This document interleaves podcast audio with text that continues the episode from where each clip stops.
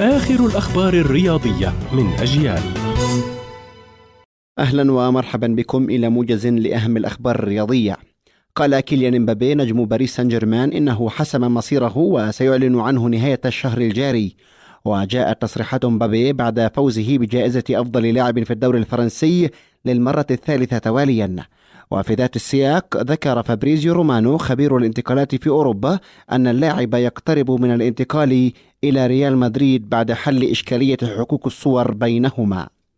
ذكرت تقارير صحفية إسبانية أن ليفاندوسكي اتفق مع برشلونة على شروطه الشخصية للانتقال إليه هذا الصيف من بايرن ميونخ. وينتهي عقد ليفاندوسكي مع بايرن ميونخ في صيف 2023 لكنه أعلن رغبته في الرحيل عن النادي البافاري عقب نهاية الموسم الجاري. ووفقا للتقرير فإن ليفا وافق على عرض برشلونة الذي يتضمن عقدا لمدة ثلاث سنوات وراتبا سنويا يبلغ ثمانية ملايين يورو مع تبقي الاتفاق بين الناديين على قيمة الصفقة.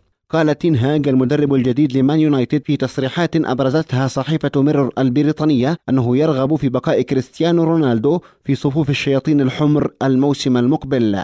وتفند تصريحات المدرب الجديد الشائعات التي كانت تشير إلى رغبته في بناء فريق جديد لليونايتد بعيدا عن كريستيانو.